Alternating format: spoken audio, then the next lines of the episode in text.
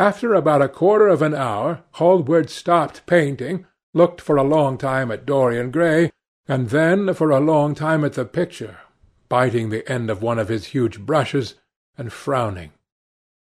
"It is quite finished," he cried at last, and stooping down he wrote his name in long vermilion letters on the left-hand corner of the canvas. Lord Henry came over and examined the picture. It was certainly a wonderful work of art, and a wonderful likeness as well. "My dear fellow, I congratulate you most warmly," he said. "It is the finest portrait of modern times. Mr. Gray, come over and look at yourself." The lad started as if awakened from some dream. "Is it really finished?" he murmured, stepping down from the platform. "Quite finished," said the painter. "And you have sat splendidly to-day. I am awfully obliged to you." "That is entirely due to me," broke in Lord Henry. "Isn't it, Mr. Gray?" Dorian made no answer, but passed listlessly in front of his picture and turned towards it. When he saw it he drew back, and his cheeks flushed for a moment with pleasure. A look of joy came into his eyes, as if he had recognized himself for the first time. He stood there motionless and in wonder, dimly conscious that Hallward was speaking to him, but not catching the meaning of his words. The sense of his own beauty came on him like a revelation. He had never felt it before. Basil Hallward's compliments had seemed to him to be merely the charming exaggeration of friendship. He had listened to them, laughed at them, forgotten them. They had not influenced his nature. Then had come Lord Henry Wotton with his strange panegyric on youth, his terrible warning of its brevity. That had stirred him at the time, and now, as he stood gazing at the shadow of his own loveliness, the full reality of the description flashed across him. Yes, there would be a day when his face would be wrinkled and wizen, his eyes dim and colourless, the grace of his figure broken and deformed.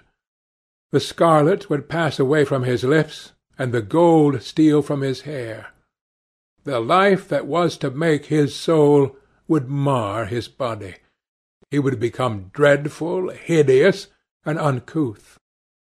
As he thought of it, a sharp pang of pain struck through him like a knife, and made each delicate fibre of his nature quiver.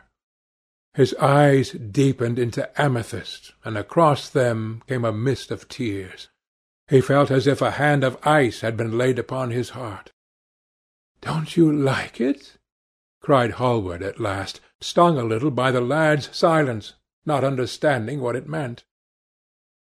"Of course he likes it said Lord Henry. "Who wouldn't like it? It is one of the greatest things in modern art. I will give you anything you ask for it. I must have it." "It is not my property, Harry." "Whose property is it?" "Dorian's, of course," answered the painter. "He is a very lucky fellow." "How sad it is!" Murmured Dorian Gray, with his eyes still fixed upon his own portrait. "How sad it is! I shall grow old and horrible and dreadful, but this picture will remain always young. It will never be older than this particular day of June. If it were only the other way! If it were I who was to be always young, and the picture that was to grow old! For that, for that I would give everything. Yes, there is nothing in the whole world I would not give. I would give my soul for that. You would hardly care for such an arrangement, Basil, cried Lord Henry, laughing. It would be rather hard lines on your work. I should object very strongly, Harry, said Hallward. Dorian Gray turned and looked at him. I believe you would, Basil. You like your art better than your friends. I am no more to you than a green bronze figure. Hardly as much, I dare say. The painter stared in amazement.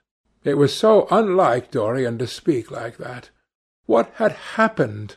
He seemed quite angry. His face was flushed, his cheeks burning. Yes, he continued, I am less to you than your ivory Hermes or your silver faun.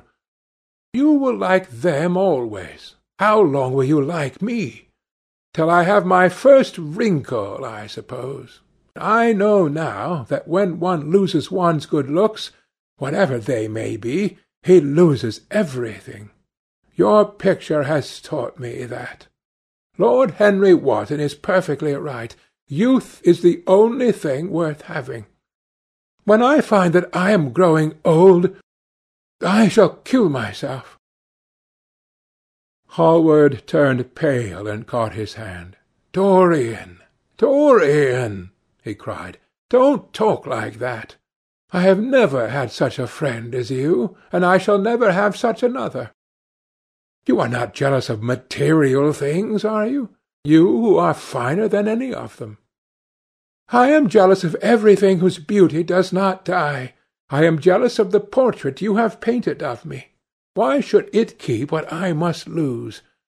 Every moment that passes takes something from me and gives something to it.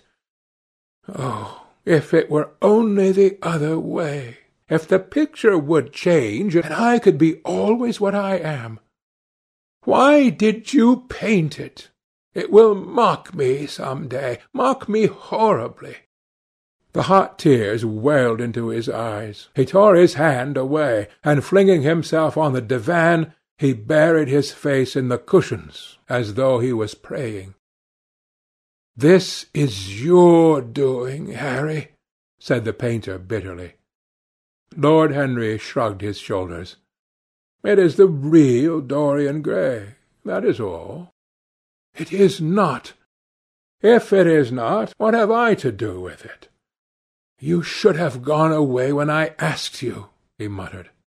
I stayed when you asked me, was Lord Henry's answer. Harry, I can't quarrel with my two best friends at once, but between you both you have made me hate the finest piece of work I have ever done, and I will destroy it. What is it but canvas and colour? I will not let it come across our three lives and mar them. Dorian Gray lifted his golden head from the pillow, and with pallid face and tear-stained eyes looked at him as he walked over to the deal painting table that was set beneath the high-curtained window. What was he doing there? His fingers were straying about among the litter of tin tubes and dry brushes, seeking for something. Yes, it was for the long palette knife, with its thin blade of lithe steel. He had found it at last. He was going to rip up the canvas. With a stifled sob the lad leaped from the couch, and rushing over to Hallward, tore the knife out of his hand and flung it to the end of the studio. Don't, Basil, don't! he cried. It would be murder. I am glad you appreciate my work at last, Dorian, said the painter coldly, when he had recovered from his surprise. I never thought you would. Appreciate it? I am in love with it, Basil. It is part of myself. I feel it. Well, as soon as you are dry, you shall be varnished and framed and sent home. Then you can do what you like with yourself. And he walked across the room and rang the bell for tea. You will have tea, of course, Dorian, and so will you, Harry. Or do you object to such simple pleasures? I adore simple pleasures, said Lord Henry. They are the last refuge of the complex. But I don't like scenes, except on the stage. What absurd fellows you are, both of you! I wonder who it was defined man as a rational animal. It was the most premature definition ever given. Man is many things, but he is not rational. I am glad he is not, after all, though I wish you chaps would not squabble over the picture. You had much better let me have it, Basil. This silly boy doesn't really want it, and I really do. If you let any one have it but me, Basil, I shall never forgive you, cried Dorian Gray. And I don't allow people to call me a silly boy. You know the picture is yours, Dorian. I gave it to you before it existed. And you know that you have been a little silly, Mr. Gray, and that you don't really object to being reminded that you are extremely young. I should have objected very strongly this morning, Lord Henry. Ah, this morning. You have lived since then. There came a knock at the door, and the butler entered with a laden tea-tray and set it down upon a small Japanese table. There was a rattle of cups and saucers, and the hissing of a fluted Georgian urn. Two globe-shaped china dishes were brought in by a page. Dorian Gray went over and poured out the tea. The two men sauntered languidly to the table, and examined what was under the covers. "Let us go to the theatre to-night," said Lord Henry. "There is sure to be something on somewhere. I have promised to dine at White's, but it is only with an old friend, so I can send him a wire to say that I am ill, or that I am prevented from coming in consequence of a subsequent engagement. I think that would be a rather nice excuse. It would have all the surprise of candour. It is such a bore putting on one's dress clothes, muttered Hallward, and when one has them on they are so horrid. Yes, answered Lord Henry dreamily. The costume of the nineteenth century is detestable. It is sombre, so depressing. Sin is the only real colour element left in modern life. You really must not say things like that before Dorian, Harry. Before which Dorian? The one who is pouring out tea for us, or the one in the picture? Before either. I should like to come to the theatre with you, Lord Henry, said the lad. Then you shall come. And you will come too, Basil, won't you? I can't, really. I would sooner not. I have a lot of work to do. Well, then, you and I will go alone, Mr. Gray. I should like that awfully. The painter bit his lip and walked over, cup in hand, to the picture. I shall stay with the real Dorian, he said sadly. "Is it the real Dorian?" cried the original of the portrait, strolling across to him. "Am I really like that?" "Yes, you are just like that." "How wonderful, Basil!" "At least you are like it in appearance. But it will never alter," sighed Hallward. "That is something."